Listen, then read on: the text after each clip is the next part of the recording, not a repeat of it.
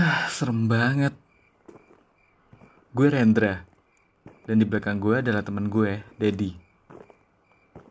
Kita berdua lagi ada di tengah-tengah pemakaman tua yang ada di belakang sekolah.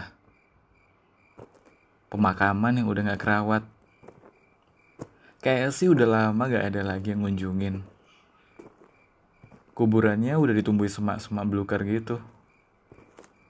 Batu nisannya juga mungkin udah ada dari sebelum gue lahir kali ya. Nama dan tanggal di batu nisan udah gak kebaca lagi.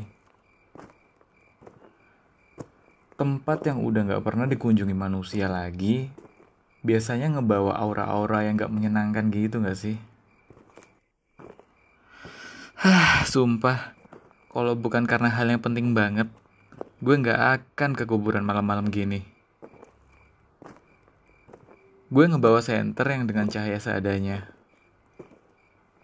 Sepanjang jalan, gue gak ngomong sepatah kata pun. Dedi juga terdiam tanpa kata-kata.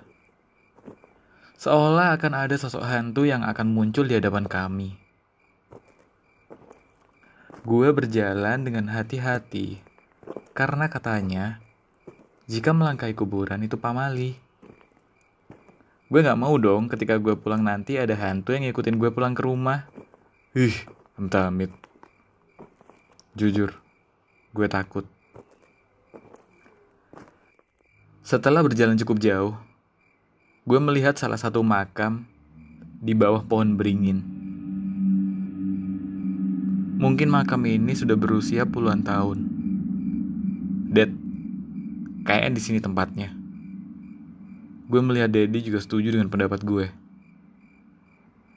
Gue mulai menggali makam itu.